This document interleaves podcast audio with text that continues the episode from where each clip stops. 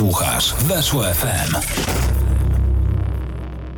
Kolejna super seria na antenie Weszło FM. Dzień dobry, Adam Kotleszka. E, kontynuacja naszej rozmowy właściwie, tego co było przed tygodniem, bo dzisiaj cały czas jesteśmy w tematach psychologii w sporcie i treningu psychomotorycznego. Łukasz Mika jest moim gościem. Raz jeszcze witaj Łukaszu. Witam serdecznie. Łukasz, e, trochę już wątków e, w tej pierwszej części sobie poruszyliśmy, natomiast cały czas widzę tutaj wielki potencjał na dalszą część rozmowy, znając to, że też jesteś mega wygadanym człowiekiem i to mnie bardzo cieszy. Mm, rozmawialiśmy trochę o takich przykładowych ćwiczeniach, jakie serwujesz swoim podopiecznym mm, przy różnych dyscyplinach sportu, ale też powiedziałeś, że dobierasz bardzo mocno to wszystko pod dyscyplinę. To teraz na przykładzie dajmy na to sportów walki. Mm, jak, jakie przykładowe ćwiczenia e, ty proponujesz swoim podopiecznym?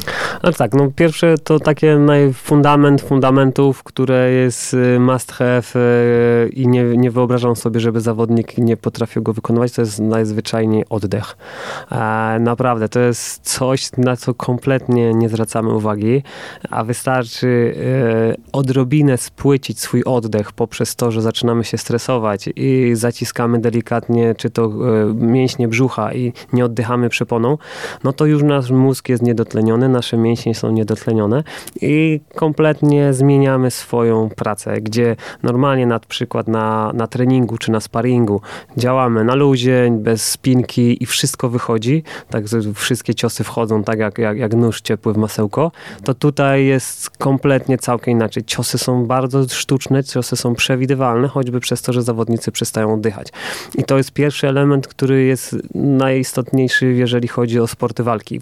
W, sumie o każdy inny sport, ale tutaj bardzo mocno e, w sportach walki, choćby i dlatego, że też wielu zawodników przyjmuje ciosy na wątrobę albo centralnie w żołądek. I to zaciska ich bardzo mocno, albo w klatkę piersiową dostaną. I zaburzenie oddechu w jakimkolwiek ułamku sekundy walki powoduje narastającą falę po prostu niepowodzenia, bo zawodnik się sam zapowietrza, bardzo łatwo to było widać, e, jak właśnie jak e, Pudzianowski, tak? Wchodził na ring do MMA. Na początku zwłaszcza, Dokładnie nie? tak. Tam było 30 sekund i był zabity. Wiadomo, nadmiar mięśni w jego przypadku robił swoją robotę, ale ilość naprężonych mięśni i chęć właśnie wykonania czegoś mocniej, szybciej, dokładniej spowodowała, że całkiem zapominał o oddechu. No i chłopak niestety bardzo mocno się zapowietrzał, ale to widać w wielu walkach, e, nie, nie tylko MMA, ale w boksie i takich, na, nawet na najwyższym poziomie światowym. Więc pierwsze to jest oddech, drugie to jest spostrzegawczość, e, czyli e, ćwiczenia na przykład e, żonglerki w różnych konfiguracjach, nie tylko tej podstawowej, którą większość umie, ale już jej nie wykonuje, jak się jej nauczyło, bo to też, jest, to też było hitem właśnie w czasach tej pandemii, która, która nas dotknęła jakiś czas temu. Ja wrzucałem filmiki, jeżeli chodzi o żonglerkę e, i dla mnie żonglerka ma moc, jeżeli my ją cały czas udoskonalamy, bo dzięki temu nasz mózg się rozwija, a jeżeli my tylko nauczymy się podstawowej żonglerki trzema piłeczkami i odstawiamy je na półkę, bo nam się już wydaje, że je umiemy, no to nasz rozwój się zatrzymuje w momencie, jak odstawiamy piłeczki na półkę, tak? Czyli to jest coś, co cały czas trzeba gdzieś tam doskonalić. Dokładnie tak. No, jak, jak, jak ja pokazuję zawodnikom, ile jest, ile ja się na razie nauczyłem możliwości żonglerki trzema piłkami, ja potrafię 12, a jest ponad 50. I okay. ludzie się łapią za głowę, mówią, jak trzema piłkami? Przecież jest tylko jeden sposób. Nie, no to jest baza. To jest taki, taki no jeden procencik tego, co dopiero zaczyna się e, z tymi piłkami e, robić i żałuję naprawdę, że nie jestem kimś e, na najwyższych stołkach i nie mam możliwości wprowadzić dżonglerki do, e, do szkół, do szkół dokładnie tak. Mhm. Jako lekcja obowiązkowa. Nauka żonglerki, nawet pół godzinki by wystarczyło, żeby każdy zrobił coś takiego. Żonglerka ma tyle pozytywnych elementów, które jeżeli my sobie uświadomimy, to naprawdę jest, aż każdy powinien brać te piłki do ręki, choćby i z tego względu, że że kreatywność, mhm. która jest elementem nie do wyuczenia, bo my nie możemy się nauczyć kreatywności na przykład książek, czytając książki. Bo jeżeli czytamy książki, to uczymy się tego, kto coś już wymyślił. Więc jak my chcemy coś wymyślić więcej, jeżeli już przeczytaliśmy tylko coś, co już zostało wymyślone, a kreatywność jest elementem, który też jest wytrenowalny. Czyli my możemy wytrenować kreatywność poprzez właśnie ćwiczenia psychomotoryczne. Tak samo, mm, dlaczego e, osoby, które grały grały na instrumentach, pianino, skrzypce, gitara, nigdy nie miały problemów z nauką.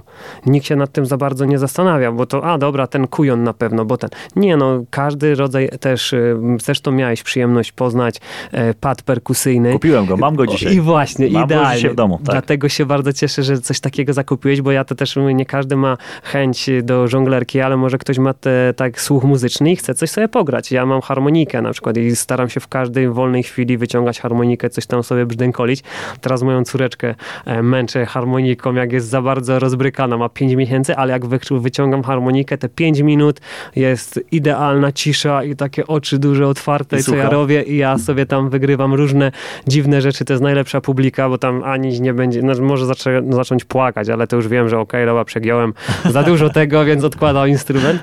Więc to też, e, też są elementy, które kształtują naszą kreatywność, tak? I mm, choćby i dlaczego osoby, które y, są muzykami, wymyślają teksty, no bo tak często trenują tą kreatywność poprzez gra, grę na instrument, gra, dzięki grze na instrumentach, że ta gra, głowa jest tak mocno pobudzona do pracy i nagle wymyślamy jakieś teksty. Ja jestem też idealnym przykładem, chociaż wiem, że nie ka- może ktoś powiedzieć, a dobra, ciśniesz kity, bo chcesz nam sprzedać produkt, na którym zarabiasz, ale w moim przypadku ja tam zawsze byłem czarna owca, mm, niestety, e, w szkole, który pisałem przez U otwarte w jednej linijce, przez U zamknięte w drugiej, że przez Z kropką RZ, nauczycielki w ogóle włosy sobie wyrywały z głowy.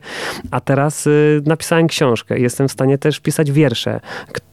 Jedna tam miałem taki epizod, że ktoś mi wytłumaczył, jak się pisze wiersze, że są jakieś tam te rymy parzyste, nieparzyste, jakieś sylaby właśnie jeszcze dziwne, takie rzeczy. I ja teraz jestem w stanie napisać życzenia urodzinowe wierszem. Po Okay. prostu biorę jakieś tam wyrazy, które mi pasują, kończą się podobnie, tak? I, E, i nagle... Sprawdzimy.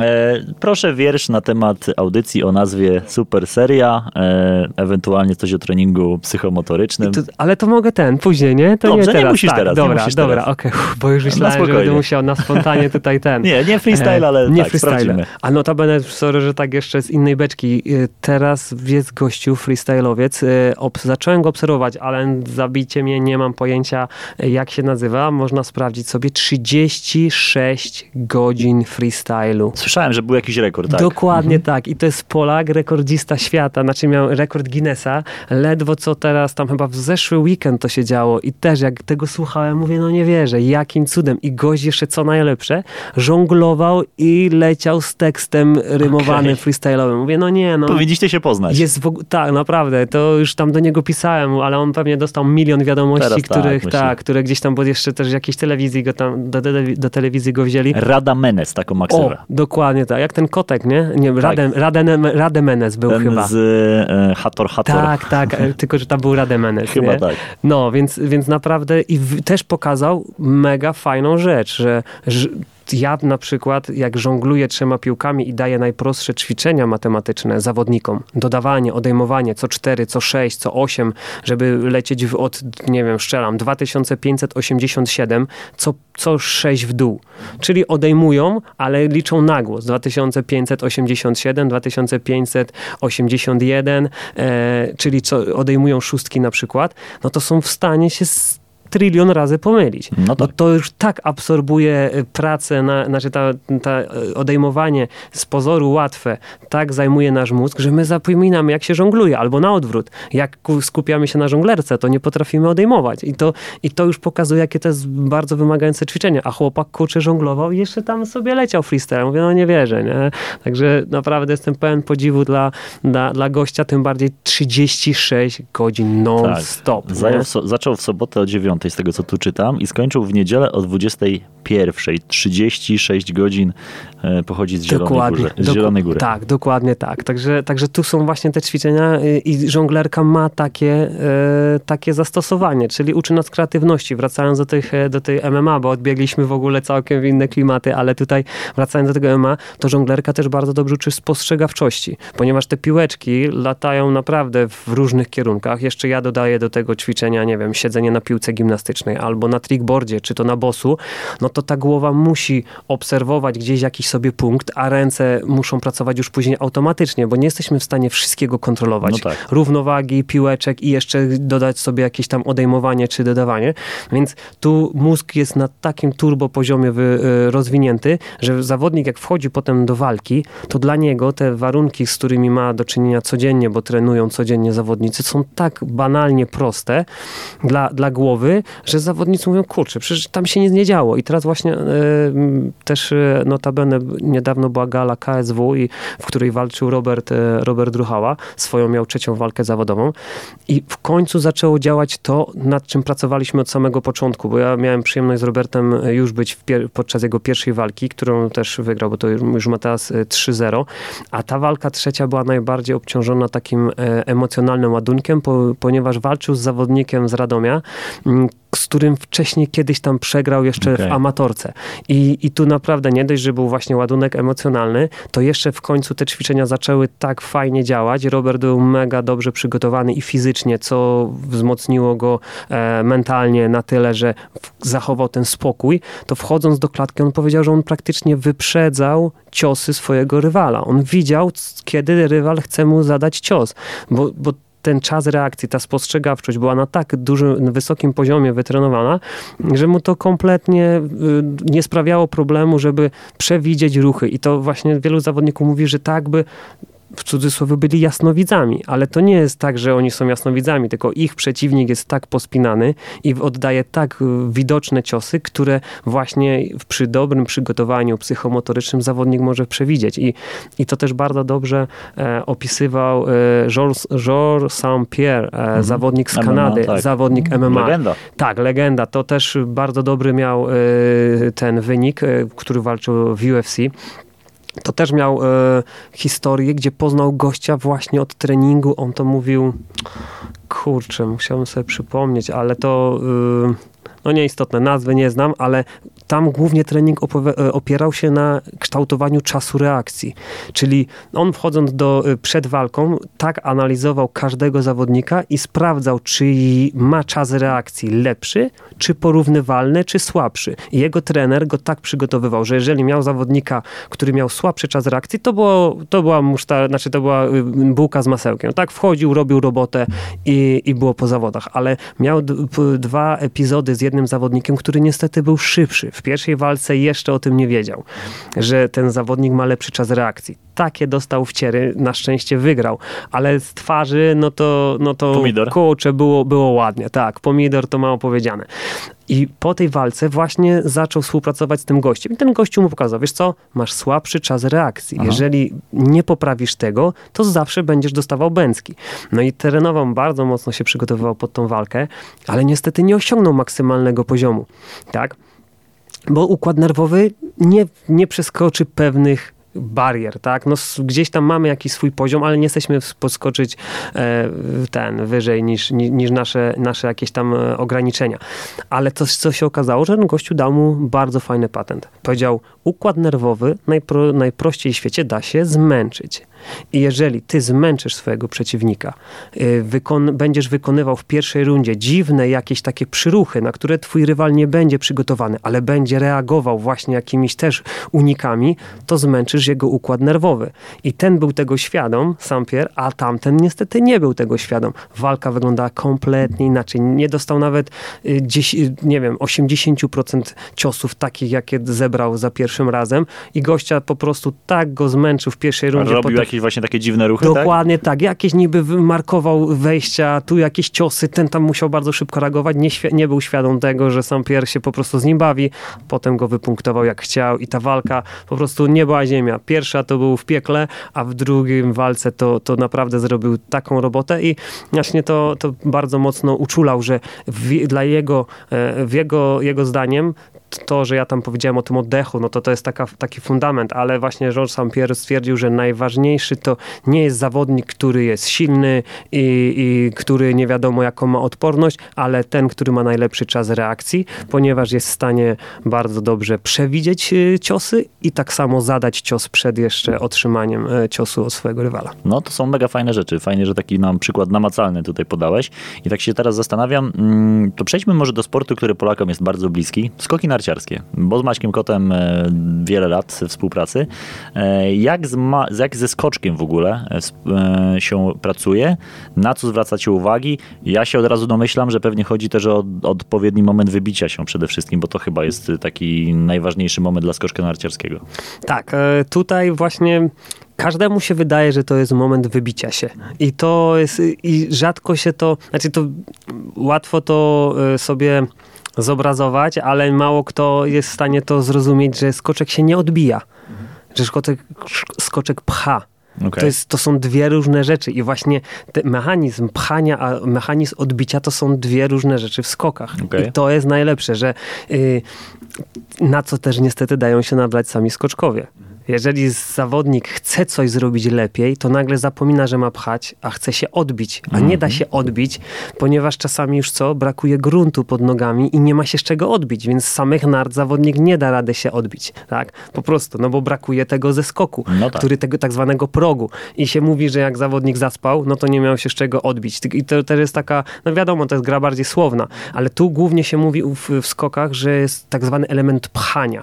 Czyli zawodnik ma tak się, tak pchać pchać nogami, żeby uzyskać bardzo dobry pułap tej wysokości za progiem. Ale jeżeli ktoś sobie to troszeczkę źle przetłumaczy albo jest za bardzo pospinany, no to nagle chce się odbić. I wystarczy, że tylko o tym elemencie zapomni i już jest cała technika skoku, jest po prostu, idzie w piach, tak? Czyli ca cała energia nie idzie w próg, od którego ma się zawodnik odepchać, tylko chce się nagle odbić w górę, a to jest całkiem inna praca, nie? Więc tu notabene bardzo e, ten element tego pchania w skokach jest y, bardzo istotny. Ale co jest najgorsze, że ten punkt, w którym idealny punkt y, pchania jest tak krótki, że jeżeli skoczek chce się nad tym koncentrować, to zazwyczaj zrobi to albo za szybko, mhm. albo za późno. Po prostu ciężko jest, bo to jest jedna tam tyś, parę tysięcznych sekundy. Czyli nawet my nie zdążymy o tym pomyśleć, a już powinniśmy to zrobić. I myślenie o skoku w trakcie dojazdu na przykład, tak, bo zawodnik ma, ma, ma dojazd, myślenie o skoku już kompletnie zaburza cały skok, ponieważ zawodnik nagle myśli, jak to zrobić, a pomyślenie to już jest o te parę tysięcznych za późno albo parę tysięcznych za, za wcześnie, bo nie czuje. I, I w skokach bardzo jest istotne, żeby zawodnik czuł, a nie myślał. Mhm. Jeżeli myśli, no to jest po skoku. A jeżeli czuje, kiedy to ma zrobić, to to ma być tak zwany automatyzm. My, my właśnie taki odruch y, automatyczny, jeżeli doprowadzimy y, poprzez spokój, pewność siebie, e, te metody radzenia sobie ze stresem i tym wszystkim, że jesteśmy naprawdę w 100% pewni za to, co robimy i nie wkradnie się element rywalizacji, element tego, że możemy być mistrzem olimpijskim e, albo igrzysk olimpijskich, albo zawodnikiem, który zdobędzie kryształową kulę. Jeżeli nie dopuścimy tylko tych tych elementów do głowy, no to oddamy taki skok, perfekcyjny, jaki oddawaliśmy na tysiącach treningów, tak? Tylko, że właśnie wchodzi rywalizacja, zmienia się minimalnie nasze nastawienie, zmienia się nasze czucie i zawodnicy, którzy skaczą kompletnie są później roz, rozkojarzeni i zaczynają co? Analizować. No jak to zrobić? I myślą, a myślenie zajmuje za dużo czasu i skok jest potem nie do końca taki, jaki powinien być. Mhm. To jakie ćwiczenia stosowaliście z Maćkiem na przykład? Znaczy tak, no Maciek, ogólnie myśmy tam lecieli tak ze wszystkimi tymi, no, koncentracja, tak, czyli element taki, żeby być tu i teraz, bo mhm. to y, uważność, koncentracja to jest coś, czego my też kompletnie nie trenujemy i trenujemy to źle. Ten multitasking, y, wielofunkcyjność, tak. to jest nasza największa zmora i też nawet nie mamy pojęcia o tym, że sportowcy nieświadomie trenują e, multifunkcyjność, a gdzie potrzebują czego? Uważności. Tak, Aha, tej okay. uważności. Mhm. Choćby i ja to tak zawsze najprościej e, mówię, dobra, no to co e, robisz, jak myjesz zęby? I nagle większość mówi, no ja myślę o tym, o śniadaniu, jak dojadę do szkoły, co mam zrobić w pracy i w ogóle. Ja mówię, no i właśnie, popatrz, zębów dokładnie nie umyjesz, a nie wiesz, czy w ogóle do tej pracy dojedziesz, nie wiesz, co tam będzie w tej szkole, bo nie jesteś jasnowidzem, no i, i myślisz o czymś, co, co może nigdy nie nastąpić. Na co do końca nie masz wpływu. Tak? Dokładnie, a, i na co nie masz do końca wpływu, więc zamiast już umyć te zęby najlepiej jak potrafisz, to robi, zajmujesz się czymś, okej, okay, jak wypali jeszcze to, ten pomysł, który masz w głowie, to super, ale jak nie wypali, no to... Straciłeś to, czas. To straciłeś czas, a większość, to tak się nawet tam mówi, że ponad 90% rzeczy, o których my myślimy, nigdy się nie przy, nam nie przytrafia, bo tym bardziej, że my mamy skłonność do czarnowictwa i, i To a, a to też niestety media, które, gdzie na 10 informacji, a to się śmieje 11 jest negatywnych, to dziwne, żeby człowiek był pozytywny w tym momencie od samego rana. Stąd, stąd my mamy te skłonności do czarnowictwa i bardzo mocno analizujemy rzeczy, których kompletnie, na które nie mamy wpływu, które się nie wydarzają, a robimy je w momencie, gdzie powinniśmy trenować tą uważność. Więc jak, ja, y, tak zawodnik powiedzmy jest na treningu półtorej godziny dziennie. Dzień, doba tam dzień trwa te 12 godzin. On jest tylko półtorej godziny, gdzie trenuje powiedzmy tą uważność, mhm. ale resztę czasu, te 10,5 godziny dość często wkrada się ten multitasking, ta multifunkcyjność. No więc jak potem jadąc na zawody wymagamy od siebie, żeby być właśnie mistrzem koncentracji czy uważności, jeżeli my jej kompletnie nie trenujemy. Dlatego też bardzo istotne jest, żeby w takich rzeczach codziennych wrzucać właśnie element treningu uważności, tak zwanego bycia tu i teraz. Czyli też właśnie bardzo często, jak zaczynam zajęcia, czy to na uczelni, czy z zawodnikami, pytam, jak smakowało śniadanie nie? Albo z czym jadłeś i w ogóle. I widzę tą konsternację, że może i wiedzą, z czym jedli, ale kompletnie się nie zastanawiali, jak to smakuje. Mhm. Czy ten pomidor, e, czy ten pomidor dotykał tej ziemi, czy, czy, czy, znaczy, czy krzaczek rosnął na ziemi, czy, czy na, na tej, na wacie, tak? Czy, czy w ogóle ogóle, ogórek był szklarniowy, czy jeszcze jakiś, czy widział słońce, nie? Czy ta kura, która, e, jajecznica e, i, i kura, która zniosła jajka, czy dziubała ziemię, czy była faszerowana jakimś syfem, tak? Także to są takie rzeczy, no to wiadomo, to teraz tak żartobliwie, no ale, ale kompletnie nie przywiązujemy do tego uwagi i jedząc śniadanie nie zastanawiamy się nad tym, co jemy, tylko myślimy o tym, co będzie za 10, za 15, za 20 minut, albo co było w przeszłości, co jest w ogóle już totalną porażką, bo przeszłości już w ogóle nie zmienimy, mamy wpływ ewentualnie na naszą przyszłość, też nie na wszystko. A bardzo mocno to mielimy w tej głowie, przychodzi co do zawodów, przychodzi co do rywalizacji, no to co ta głowa będzie robiła? No mieliła wszystkie mhm. te rzeczy, które są zazwyczaj tak. negatywne, tak? Jest bardzo fajna bajka, która no naprawdę wszystkich odsyłam e, do bajka na fali. To jest o takich tak. pingwinkach, Wiem, które... gadaliśmy kiedyś na zajęciach. Dokładnie tak. Na te, tam jest, ja tą bajkę Świetna. widziałem was ponad 10 razy. Za każdym razem odnajduję nowe wątki właśnie związane z, z psychologią w sporcie i nie tylko. Życiową tak samo.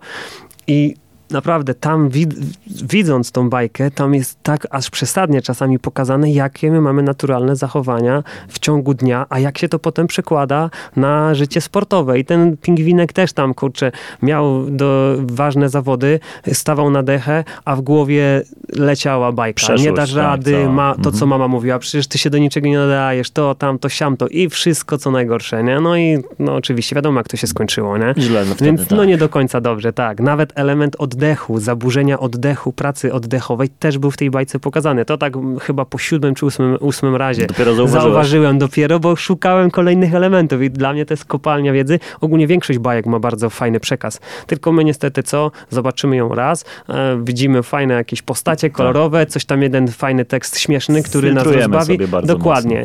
Mocno. A nie przywiązujemy uwagi do, do głębi tej w rzeczywistości, a bajki dla mnie to jest kopalnia takich też elementów. Więc, więc to też dlatego mówię, my bardzo często trenujemy ten mózg w, złym, w zły sposób, a nagle wymagamy od siebie, żeby, żeby on zadziałał w momencie, jak jest coś naprawdę bardzo e, wartościowego i ważnego w naszym życiu, ale to już jest troszeczkę za późno, mhm. no bo no, nie jesteśmy w stanie tego, tego zmienić w takim ułamku sekundy, to trzeba no, wytrenować, najprościej mówiąc. A podaj nam jeszcze jakieś takie przykłady e, bajek albo, nie wiem, książek, e, właśnie z których można coś wyciągnąć, z których można wyciągnąć sobie coś na, na co dzień, tak jak podałeś na przykład bajki na fali. Mhm. Rewelacyjnym filmem jest e, Siła Spokoju.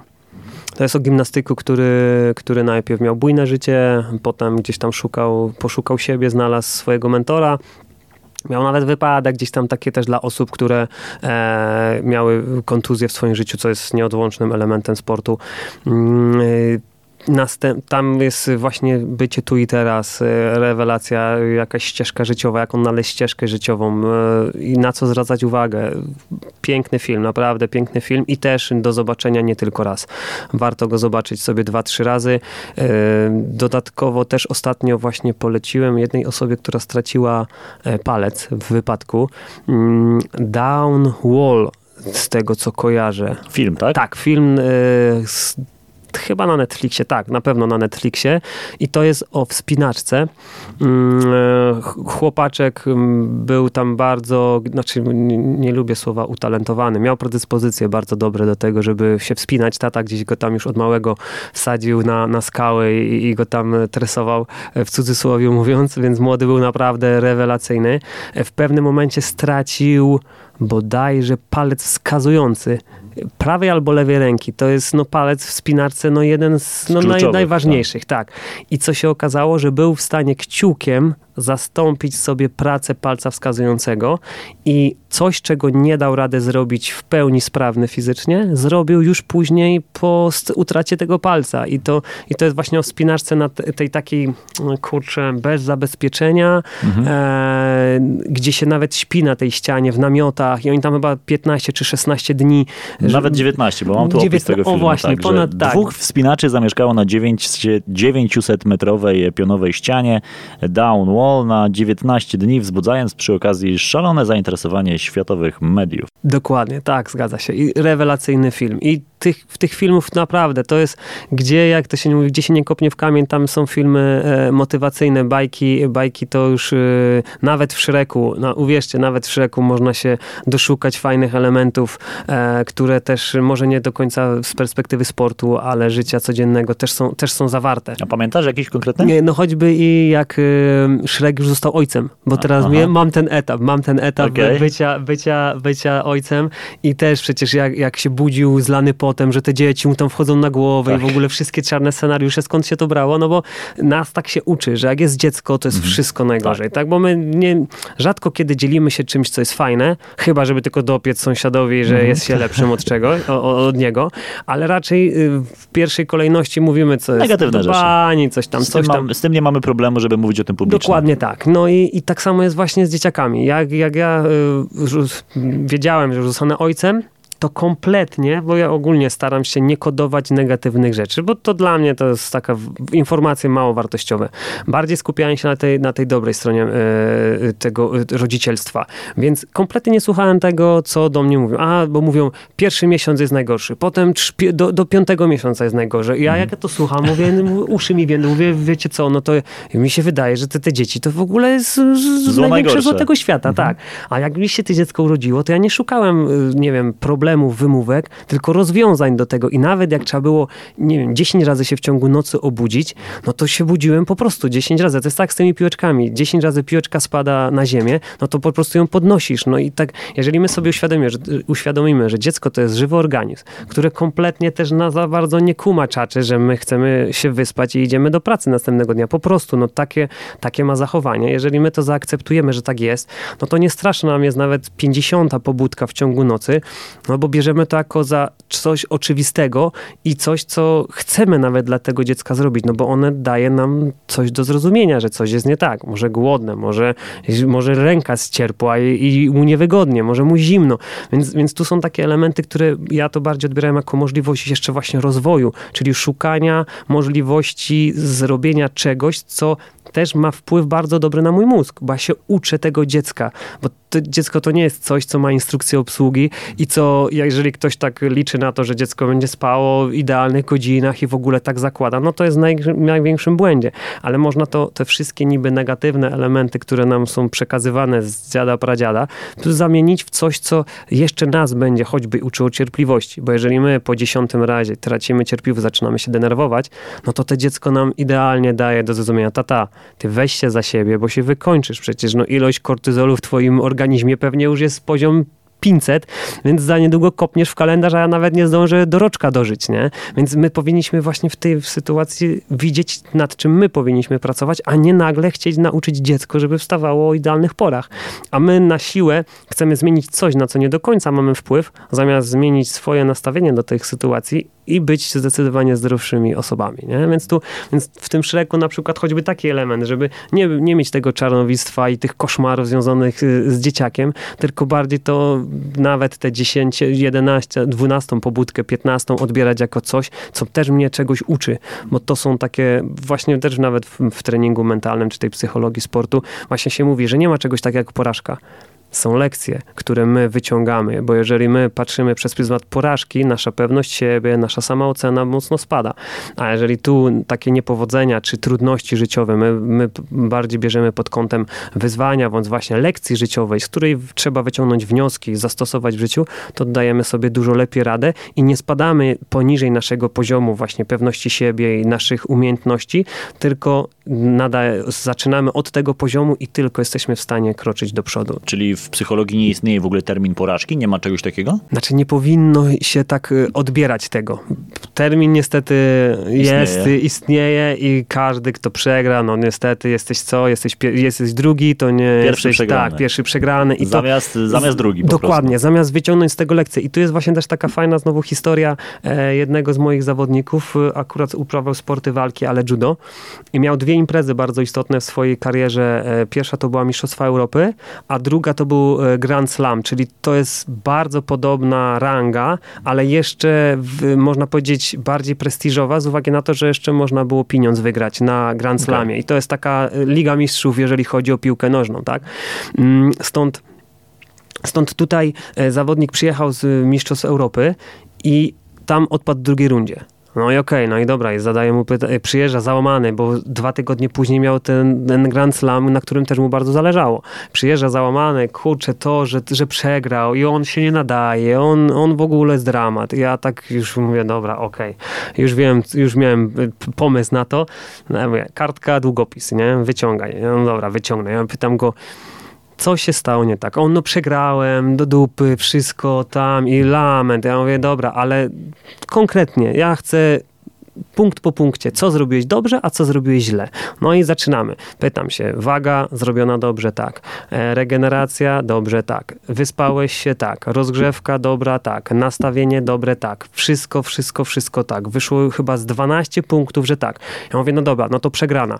No co się stało? E, w, 15 sekund przed końcem wygrywanej walki, którą wygrywał, utracił koncentrację, bo co, już jak to się mówi, już witał się z gąską, okay. już zwycięstwo, już tam myślał o następnym przeciwniku, a tu co? Utrata koncentracji na 15 sekund przed końcem. Dziękuję, rzut ipon po zawodach. Nieważne ile mamy punktów, jak jest y, ipon, to, to jest po imprezie w judo.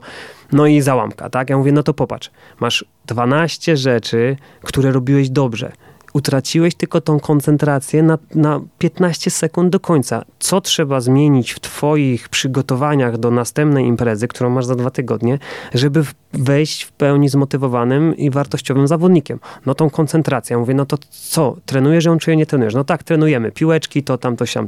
Ja mówię, więc utrzymaj to. Pamiętaj, że walka kończy się kiedy? No w momencie, jak sędzia już powie koniec walki, jest werdykt, mhm. wtedy dopiero możesz sobie dać luz, tak, w głowie, ale do końca walki masz być w pełni skoncentrowany. Okej, okay, dobra, ja mówię, no to y, z jakiego poziomu startujesz? Takiego najwyższego swojego, plus jeszcze jaki element dodatkowy, czyli rozwiązanie sytuacji, z którą, która doprowadziła do porażki. Więc jeszcze z wyższego poziomu w rzeczywistości. To ja I na koniec zadaję, to co, udany turniej czy nieudany turniej? Z punktu widzenia doświadczenia, a z punktu widzenia, wiadomo, tej porażki życiowej. On mówi, no tak, z punktu widzenia por słowa porażka, no mhm. przegrałem, nie zdobyłem medalu, ale doświadczenie... Ale może wyciągnąć Dokładnie tak. I co się okazało? Dwa tygodnie później brąz na Grand Slamie nawet wygrał z zawodnikiem, który był albo mistrzem olimpijskim byłym, albo y, jednym z medalistów Igrzysk Olimpijskich, czyli pokonał nawet trudniejszych zawodników niż na tych Mistrzostwach Europy. Dzięki czemu? Dzięki temu właśnie, że nie było czegoś takiego, że przegrałeś w Mistrzostwach Europy, to zbudujmy twoją formę na Grand Slam, tylko wyciągnąłeś lekcję z Mistrzostw Europy i pojechał, pojechałeś na Grand Slam, gdzie właśnie z tym dodatkowym punkcikiem koncentracja do końca walki pomogło to e, osiągnąć rewelacyjny sukces. I tu jest właśnie do tego, nie używa się, znaczy ja staram się nie używać słowa porażka, bo to jest bardzo mocno dołujące, bardzo mocno obniżające samoocenę zawodnika. Mhm. I chyba w życiu też nie ma co się tak obarczać e, takim słowem porażka i zamienić je w swoim słowniku rzeczywiście na słowo lekcja. To jest myślę, że bardzo ciekawe. Tak, to podejście. jest też taki bardzo nawet cytat. Zmień słownictwo, a zmienisz swoje życie. Mhm. Mm, e, I tu jest to też, tak, jak ja przerabiam to z zawodnikami, jak słyszę wypowiedź, udało mi się, albo muszę, no nie normalnie to ja... To jakie są, dawaj, to spróbujmy zrobić taki słowniczek słów, które nie powinny padać, zdań, które nigdy nie powinny padać i no, albo, albo u sportowców, albo po prostu w życiu. No pierwsze to jest e, udało mi się. Okay. To jest w ogóle top topów i wszystkie, każde słowo, które jak ja słyszę wywiad, udało mi się coś zdobyć. To to jest, ja to tłumaczę, to co to, szedłeś przypadkowo i tak ci ktoś dał ten medal i ty, a to udało mi się przypadkowo zdobyć, bo zawsze udało to, to jest element tak, takiego przy, szczęścia, tak, tak. Taki szczęście, szczęścia. chociaż bardziej fart, bo ja znowu... Mhm. Nawet tak, fart i szczęście to są dwa różne... Dokładnie tak, fart, systemy. szczęście, na farta, fart to jest coś przypadkowego, a na szczęście sobie trzeba zapracować, tak? Także tutaj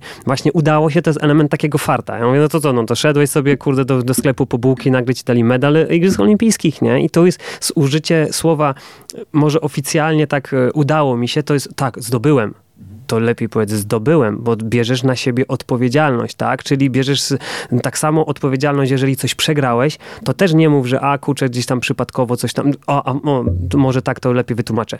Jak my mówimy, że przegrałem, bierzemy na siebie odpowiedzialność słowa przegrałem, czyli wszystko, co jest najgorsze. Ale jak coś wygra, wygrywamy, mówimy, że nam się to udało. No bo ja nie chcę może powiedzieć, że ja to zdobyłem, bo co ludzie powiedzą? A, bo tam kurczę, bo będą się ze mnie śmiać, że ja sobie powiedziałem, że to ja zdobyłem, no, za chwilę mi będą mówić, że jakiś narcyz jestem albo samolub, Dokładnie. tak? Ja właśnie do tego piję, że zauważyłem nawet w rozmowach ze sportowcami bardzo często, że oni tego słowa udało mi się używają e, na zasadzie trochę takiej, e, no trochę takiego buforu, żeby nikt się do nich nie czepił, że za bardzo są pewni siebie. Dokładnie. Że, że jak to, że wychodzi wyżej nozma niż, niż powinien i tak dalej, więc i to, to druga rzecz jest taka, że w Polsce w ogóle mam takie wrażenie, że bardzo szanuje się sportowców strasznie skromnych, przesadnie skromnych wręcz. Mówi się, o jaki to jest fajny chłopak, bo on w ogóle nie docenia sam siebie, tylko potrafi mówić, że, że, że wszyscy wokół coś zrobili, e, a, a nie on tak naprawdę, on tam tylko małą cegiełkę. E, taka przesadna skromność w Polsce jest, mam wrażenie, bardzo mocno u sportowców e, pożądana. No i tu wraca, wracamy do tego e, wszystkiego, do tych naszych ograniczeń i naszego tego wychowania, co jest przekazywane z dziada, pradziada na nasze zachowanie codzienne, tak? Jeżeli właśnie e, w domu wszystko się mówi, nawet w szkole, ja to, a to już w ogóle historia, chociaż o której nie chciałbym może za bardzo pamiętać, ale powiedzmy w szkole tak jest, y, jeżeli się wychodzi przed szereg, jeżeli jest, y, ja wiem, że tu opinia teraz y, szkolnictwo, znaczy moja dyrektorka, kto usłyszy, to będzie trochę zła na mnie, ale no, no na szczęście już tam nie pracuje. Jeżeli się wychodzi gdzieś przed szereg w szkolnictwie jako nauczyciel, niestety zawsze się dostanie po dupie. Ja będąc e, i, i, wiem, że o takich rzeczach się nie do końca powinno mówić, ale może to też da do zrozumienia niektórym ludziom, że ja byłem osobą z bardzo dużą charyzmą. Robiłem rzeczy, które nie były w tak zwanym, e, w tej tak zwanej podstawie programowej. Mhm, tak? Magiczne pojęcie. Dokładnie, magiczne pojęcie. I ważniejsze jest niestety wpisanie tematu, niż na przykład posiadanie w swojej, w swoim, nie wiem, harmonogramie nauczyciela nauczycieli, w swojej bazie nauczycieli kogoś, kto pracuje z, z najlepszymi zawodnikami na świecie, tak? Ja tak, taką historię przeżyłem i to jest, to jest bardzo przykre i choćby z tego, z tego względu, że przychodzę do, do mojej dyrekcji i mówię, że chciałbym e, jakieś dofinansowanie, bo można się starać o dofinansowanie, żeby pojecha, pojechać na studia do Sopotu, bo nie było mnie tak stać. Jeszcze na szczęście moja kochana babcia. Babciu, babciu Krysiu, pozdrawiam, kocham cię i dziękuję za to, że, że mnie wsparłaś w tym czasie. Właśnie, żeby mieć na te studia, tak? No i mówię pani dyrektor, proszę o to, a pani dyrektor mówi, hmm, przecież w naszej szkole ona nie widzi miejsca dla psychologa sportowego. Gdzie nasza szkoła była sportowa, tak? Mhm. Profil siatkarski, szermierczy, pływacki, no to przecież no, no, pasuje e, no idealnie, ale nie, po czym się dowiaduję, że e, pieniądze na do, doszkalanie nauczycieli poszły na kogo? Na na przykład na język czeski. Na język czeski. Tak, bardzo potrzebny oczywiście. Ja nie neguję tego, że dzieci trzeba też, bo uczenie języków też jest po części treningiem psychomotorycznym. Tylko, że no nie oszukujmy się, no odsetek dzieciaków w szkole naszej sportowej, e, uczących się języka czeskiego, a trenujących sport, no to jest nieba ziemia, tak? Tu może 5%, 95% to są sportowcy. No ale no tak, do takiej sytuacji doszło. I ja, e, jak już skończyłem tą psychologię, właśnie dzięki mojej wcześniej wspomnianej babci, mm, podjąłem po prostu bardzo taką świadomą decyzję. Odszedłem ze szkoły, bo wiedziałem, że szkoła bardzo mocno mnie ograniczała. Tam nie było czegoś takiego, że a, mamy nauczyciela, który pracuje z Kajetanem Kajetanowiczem, mistrzem Europy w rajdach samochodowych, tylko panie Łukaszu, e, dlaczego nie ma wpisanego tematu? Dlaczego e, rodzi, rodzice się skarżą, że pana nie ma na lekcjach, gdzie ja w rzeczywistości jeszcze musiałem specjalnie brać y, wolne, bezpłatne, bo y, szkoła już później y, w ogóle nie chciałem iść na rękę, po to, żebym ja w ogóle jechał na taki rajd z no, zawodnikiem, nie? Na takie Szkoła zawody. powinna być zadowolona, że ma takiego pracownika, który się doszkala, który się rozwija i gdzieś no, osiąga sukcesy w swojej No branży. tak, ale dlatego ja tam też nie, nie neguję tej szkoły, bo wiadomo, teraz to może tak źle zabrzmi, że ja narzekam na tą szkołę. Nie, ja zawdzięczam bardzo dużo szkole, choćby i to, że kontakt z rodzicami, kontakt z dzieciakami, ta tę możliwość rozwoju, samorozwoju, bo dla mnie e, rozmowa z kimś, z drugą osobą to jest najlepsza rzecz na świecie, jako, jaką może się człowiekowi przytrafić w życiu, więc naprawdę bardzo dużo zawdzięczam tej szkole. To, że w ogóle mnie przyjęła, że, że byłem z innego miasta, z Redutów, a ja pracowałem w Radlinie, gdzie to nie do końca tak dobrze na mnie patrzyli tam, że, że przychodzę, ale, ale na szczęście też wyciągnęli mi pomocną dłoń w momencie, jak potrzebowałem pracy. Stąd są naprawdę tutaj bardzo dużo w tej szkole tak zawdzięczam, ale no, no suma summarum ten finał nie był do końca taki, ale co nie też nie zmienia faktu, że cieszę się, że po części tak było, ponieważ jeżeli byłoby dużo lepiej, to pewnie uczyłbym cały czas w szkole i Pewnie nie miałbym tak. możliwości takiego rozwoju. Dlatego to też, ja to tak mówię, y, troszeczkę powiedziałem, y, pokazałem to w złym świetle, ale też dziękuję za to, że ta szkoła jednak pokazała mi, jaka jest rzeczywistości i mogłem rozwinąć troszeczkę skrzydła i bardziej się gdzieś tam zacząć udzielać w tej psychologii, a nie tylko y, pracować w szkole, co teraz zdecydowanie mi wyszło bardziej na zdrowie. Mhm. A jak odchodziłeś z tej szkoły, to co ciebie najbardziej, inaczej, czy długo podejmowałeś te decyzje o odejściu i co ciebie najbardziej blokowało wtedy? E, tata. Tata, pozdrawiam kocham cię, się śmieję, tak, tatuś, tatuś był, no, tata akurat był górnikiem i dla niego stała praca, pensja Aha, stała, okay. to wiadomo, z dziada to podziada, życia. do mhm. podstawa życia. Jak ja tacie powiedziałem, że kurczę, tato, wiesz co, ja chcę zrezygnować ze szkoły, no dwa tygodnie, nie, bite mhm. ze mną nie rozmawiał, nie, tam okay. była obraza majestatu, no przecież, tam masz idealne warunki, święta zapłacone, wakacje zapłacone, wszystko, przecież no, no nie ma nic lepszego jak szkoła, ja to tak potem mówię, okej, okay, zapraszam wszystkich, którzy uważają, że szkoła jest najlepszym, najłatwiejszym e, źródłem dochodu na, nie na tydzień, na rok. Niech przyjdą popracować na rok. Jeżeli ktoś nie kocha tego, jeżeli ktoś naprawdę nie czerpie frajdy z, ze szkolnictwa, to albo zeświruje, albo zostanie po prostu znieczul, z, człowiekiem ze znieczulicą, który odstawia pańszczyznę, tak zwane od, e, odcina kupony, bo nie da się w szkole pracować nie kochając tego, albo nie mając znieczulicy, bo naprawdę ogrom, nie ma nic gorszego jak wychowywać cudze dzieci, bo rodzice uważają, że mają aniołki. Ja miałem wiele takich sytuacji, sytuacji a dziecko w, w, szkole pokazywało na co go stać. I kopałem się, to się mówi, kopać się z koniem. A najgorzej jak jeszcze dyrekcja, w moim przypadku niestety, nie wiem dlaczego, ale bo ja może przez to, że się uśmiechałem, nawet jak dostawałem e, reprymendę, to wychodziłem z uśmiechem na twarzy z gabinetu dyrektorki, mówiłem miłego dnia i tam widziałem te Góra skakała? Tak, tak skakała, więc ja zawsze tam miałem gdzieś pod górkę. To potem już niestety dyrekcja stała też za, za rodzicami i to już jest gwóźdź do trumny, więc wtedy jak już tak do tego dochodziło, to powiedziałem, ok, odchodzę. No i ta, tata gdzieś był bardzo mocno temu przeciwny. Ale teraz jak zakłada kurtkę e, moich e, zawodników, z którymi mam przyjemność pracować, bo na przykład w rajdach e, się dostaje ciuchy teamowe, okay. czy, też, czy też pracuję gdzieś tam w, z marką Porsche, to też mam jakieś takie gadżety, które dostaję i potem tacie przekazuję. Tak widzę tą dumę rozpierającą tatę, jak wychodzi w tych ciuchach i tam się lansuje na dzielni.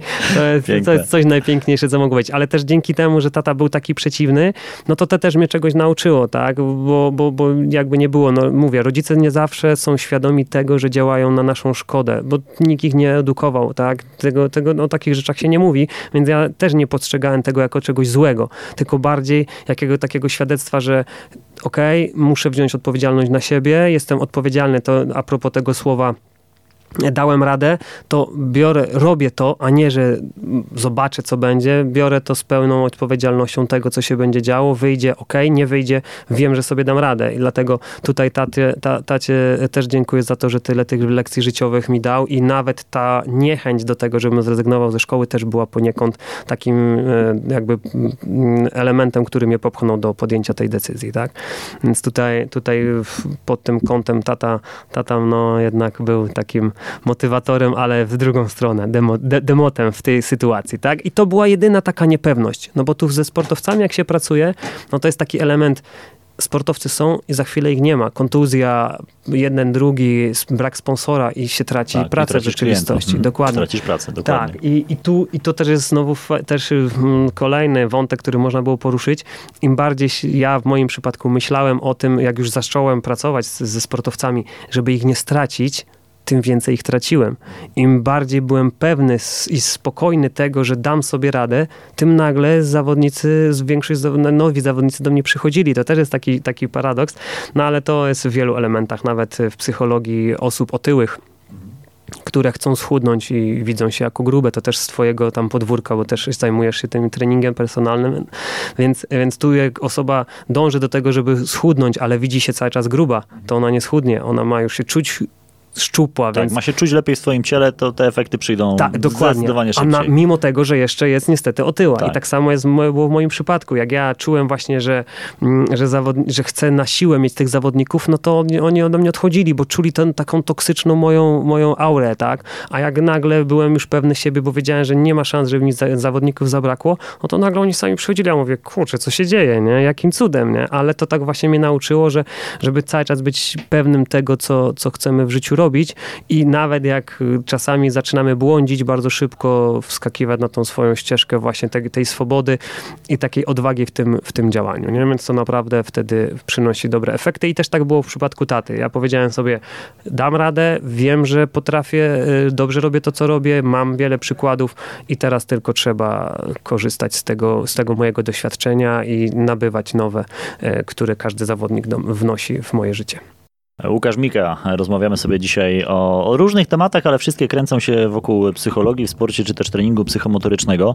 Tutaj stawiamy kropkę i zrobimy sobie kolejną część, bo tematów jest cały czas bardzo dużo, ale myślę, że tego się po prostu dobrze słucha i, i myślę, że nawet osoby, które nie są sportowcami mogą coś wyciągnąć dla siebie po tych naszych dywagacjach, więc y, my będziemy za moment rozmawiać, a wy usłyszycie tę kolejną część za tydzień. Ja was odsyłam na Spotify, e, weszło FM, tam poprzednia część i oczywiście też łatwo do znalezienia znalezienia na weszło.fm w zakładce Super Seria. Łukasz, za tę część dziękuję pięknie. Dzięki wielkie. I za moment gadamy dalej.